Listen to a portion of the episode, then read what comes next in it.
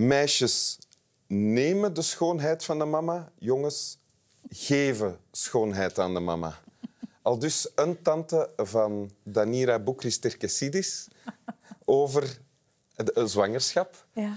En hoe bevorderlijk de zwangerschap is voor de schoonheid van de mama. En hoe dat afhankelijk is van het geslacht, van wat er in het buikje zit. Proficiat namens alle vrienden van Winteruur met je eh, aanstaande moederschap. Merci, dat is Ehm, Danira, ja, we kennen jou als journaliste, presentatrice, tv-maker. Wat ben je nu aan het maken of is er nu iets op... Ik eh, ben eh, ja, nu deze week te zien op eh, VRT1 een reportage die ik gemaakt heb rond pleegzorg in het kader van de Warmste Week.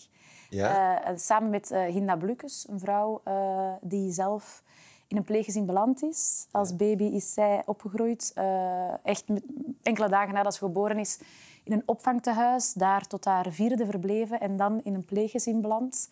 Waardoor ze uiteindelijk ook geadopteerd is. En zij zegt van haarzelf, ze zegt, ik, ik vind dat ik geluk heb gehad.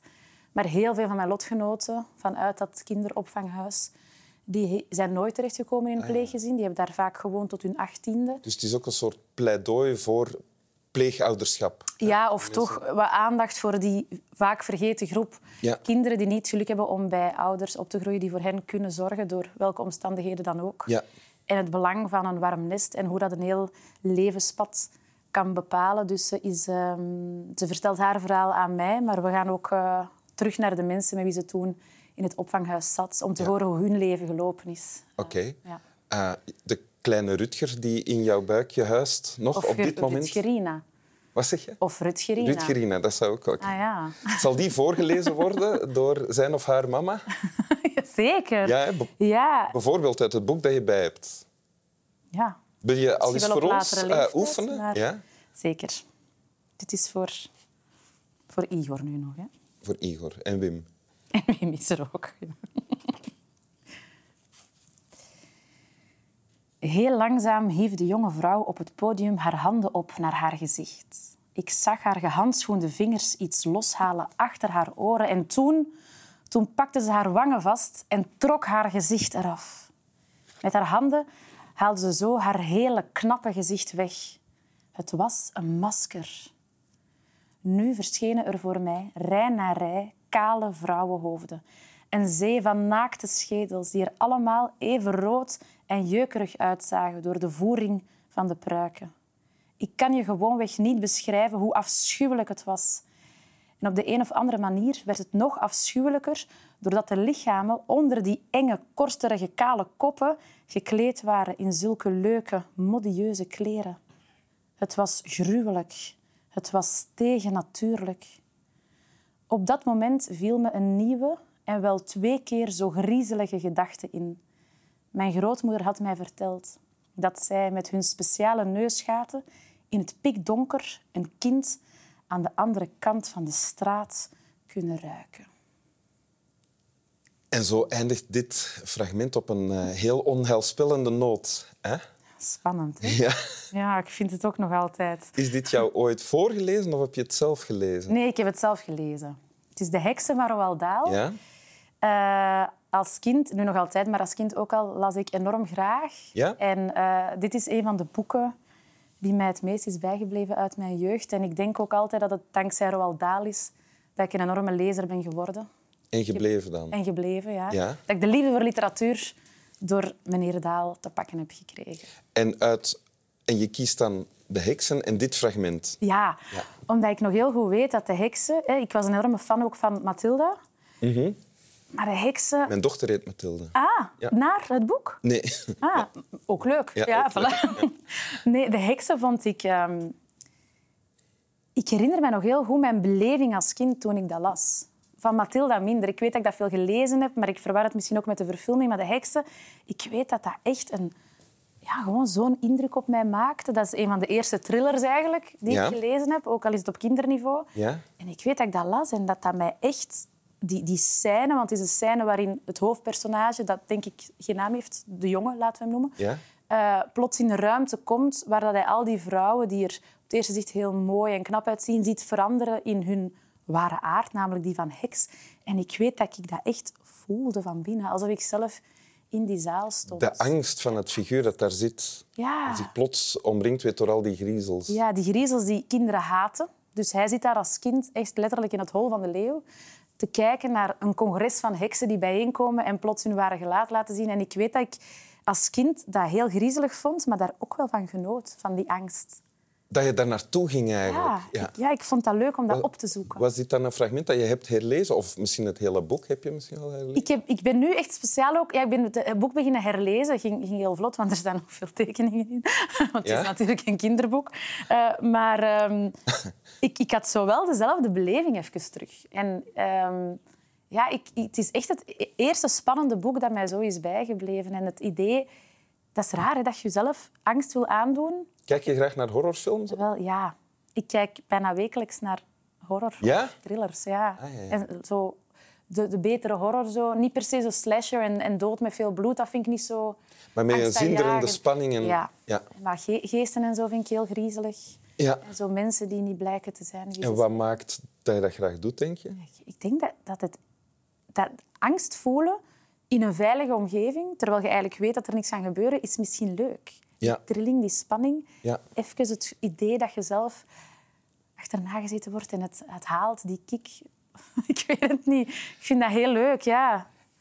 Roald Dahl, de teksten van Roald Dahl worden herschreven nu ook. ja. Het is een beetje een controversieel figuur geworden, Ja. eh, om het zo te zeggen. Ik, eh, ik vind het een moeilijke discussie om mij in te mengen. Ik weet dat er heel veel woorden zijn die hij gebruikte die we niet meer... Allez, zoals eh, de dikke hond mag niet meer. Je moet dan enorme hond zeggen, bijvoorbeeld. Lelijkert. Of lelijkert. Mag al niet meer. Mag al niet meer.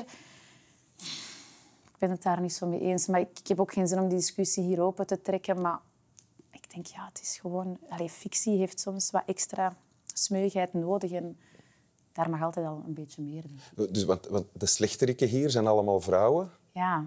Ja, want mensen qua tongen zouden durven zeggen dat, hij, dat het een antifeministisch pamflet is. Ja. Vrouwen zijn slechterikken. Maar ik heb ook gezien... eh, eh, dus het personage wordt door zijn oma verteld over het bestaan van heksen. Maar die oma zegt ook, eh, mannelijke heksen bestaan niet. Mannelijke slechterikken zijn boemannen. Maar dat is een dus die bestaan ook. Maar daar gaan we het nu niet over hebben. Het gaat hier nu over de heksen. Ja. En, ehm, maar het, de held in het boek is de oma. Zij helpt mee de heksen verslaan. En dat is een vrouw. Dus Ja. dat is wel cool ook. Ja. En misschien, die heksen zijn ook wel... Die doen zich voor als heel knap, maar eigenlijk willen die af van, dat, van die pruik en van dat mooi masker. En die willen gewoon lelijk zijn en hun lelijkheid tonen. Ja. Ik vind dat ook wel zo. Hè. Die gaan niet door voor de typische dingen die je verwacht van een vrouw. Die haten kinderen, wat je ook niet verwacht van vrouwen. Dus het is misschien net toch wel ergens lichtjes... Ik weet het niet. Tegen het clichébeeld van vrouwen dat hij strijdt. ja, of het kan in alle geval langs verschillende kanten bekeken worden. En, eh, Ja. ga je, denk je, kijk je naar uit om, als je kindje geboren zal zijn, om voor te lezen? Ja, heel erg. Ja, ja. Ik vind dat een heel intiem moment. Ook vroeger, als ik ging babysitten, vond ik dat altijd leuk om voor die kinderen voor te lezen. Kinderen meetrekken in een andere wereld. Ja. Dat is wat boeken wel kunnen. Hè. Ja. En, mijn moeder beweert altijd dat ze mij is beginnen voorlezen van zodra ik rechtop kon zitten. Dus al heel vroeg. En dat ik daar ook, daardoor ook al heel snel kon praten. Ja? Ja, zij beweert dat ik al op negen maanden in Op negen zinnen van twee, drie wat was je woorden eerste woord spreken. dat weet ik niet, maar er, is wel een, er bestaat een, videotape, een, een cassettetape, een audiotape, waar dat ze mij interviewt als baby. Ja? En waar ik al heel duidelijk vogel kan zeggen. Op zes maanden. Vogel. Je noemde je mama vogel. Of je verwarde haar met een vogel. Ja, Dus je was wel een heel mondig, maar geen heel slim kind. Mogen we dat als conclusie formuleren? Wil je het nog eens voorlezen? Zeker. Zet je niet te bang, Wim? Ja, maar tegelijkertijd veilig. Ik zit hier veilig in een zeteltje. Heel langzaam hief de jonge vrouw op het podium haar handen op naar haar gezicht. Ik zag haar gehandschoende vingers iets loshalen achter haar oren en toen, toen pakte ze haar wangen vast en trok haar gezicht eraf. Met haar handen haalde ze zo haar hele knappe gezicht weg. Het was een masker. Nu verschenen er voor mij rij na rij kale vrouwenhoofden, een zee van naakte schedels die er allemaal even rood en jeukerig uitzagen door de voering van de pruiken. Ik kan je gewoonweg niet beschrijven hoe afschuwelijk het was. En op de een of andere manier werd het nog afschuwelijker doordat de lichamen onder die enge, korsterige, kale koppen gekleed waren in zulke leuke, modieuze kleren. Het was gruwelijk. Het was tegennatuurlijk. Op dat moment viel me een nieuwe en wel twee keer zo griezelige gedachte in. Mijn grootmoeder had mij verteld dat zij met hun speciale neusgaten in het pikdonker een kind aan de andere kant van de straat kunnen ruiken. Dank u. Snap wel.